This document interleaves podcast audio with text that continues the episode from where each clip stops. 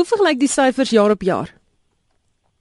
Dit is baie dieselfde, so dit is ook omtrent 44000 en en dit is natuurlik baie kommerwekkend en ek dink die aspek daarvan wat my die meeste bekommer is dat die meeste sektore nou minder mense in diens het as as 'n jaar gelede. Die enigste uitsondering is die kleinhandelsektor. Wat so 'n bietjie meer mense tans in dien het as 'n jaar gelede, maar dit is regtig 'n kommerwekkende stel data wat ons vandag gekry het. Is dit 'n aanduiding van wat in die ekonomie gebeur op die oomblik?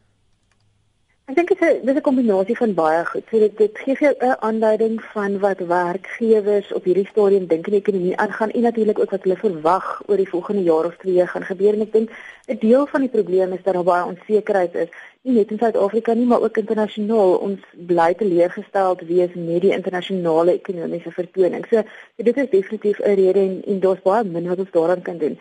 Maar ek dink die groter kommer op hierdie stadium vir Suid-Afrika spesifiek is dat daar baie plaaslike probleme is en en van hulle kan ons waarskynlik iets aan doen of ten minste beter bestuur.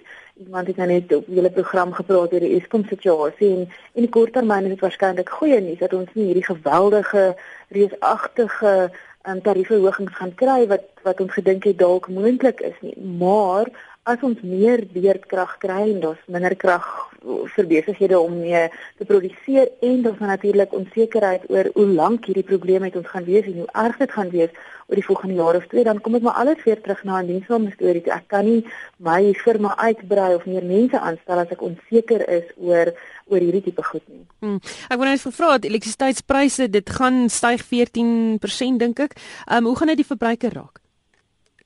Nou dit sal natuurlik baie negatief wees. So dis 'n dis 'n baie direkte impak. En natuurlik het ons nou die petrolprys wat nou al 'n hele entjie gestyg het en waarskynlik nou hierdie week dan nog ook gaan gaan styg.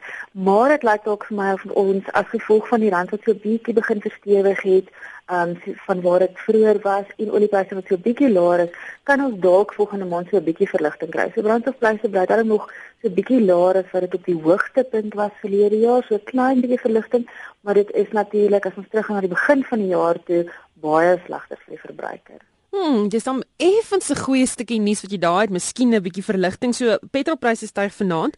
Ehm um, intussen wag almal ook om te hoor wat in Griekeland gaan gebeur. Jou verwagtinge?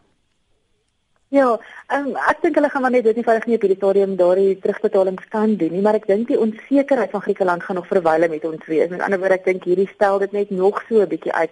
Daar is 'n bietjie van 'n dispuut oor presies wat die implikasies is as hulle vanaand se startdatum mis.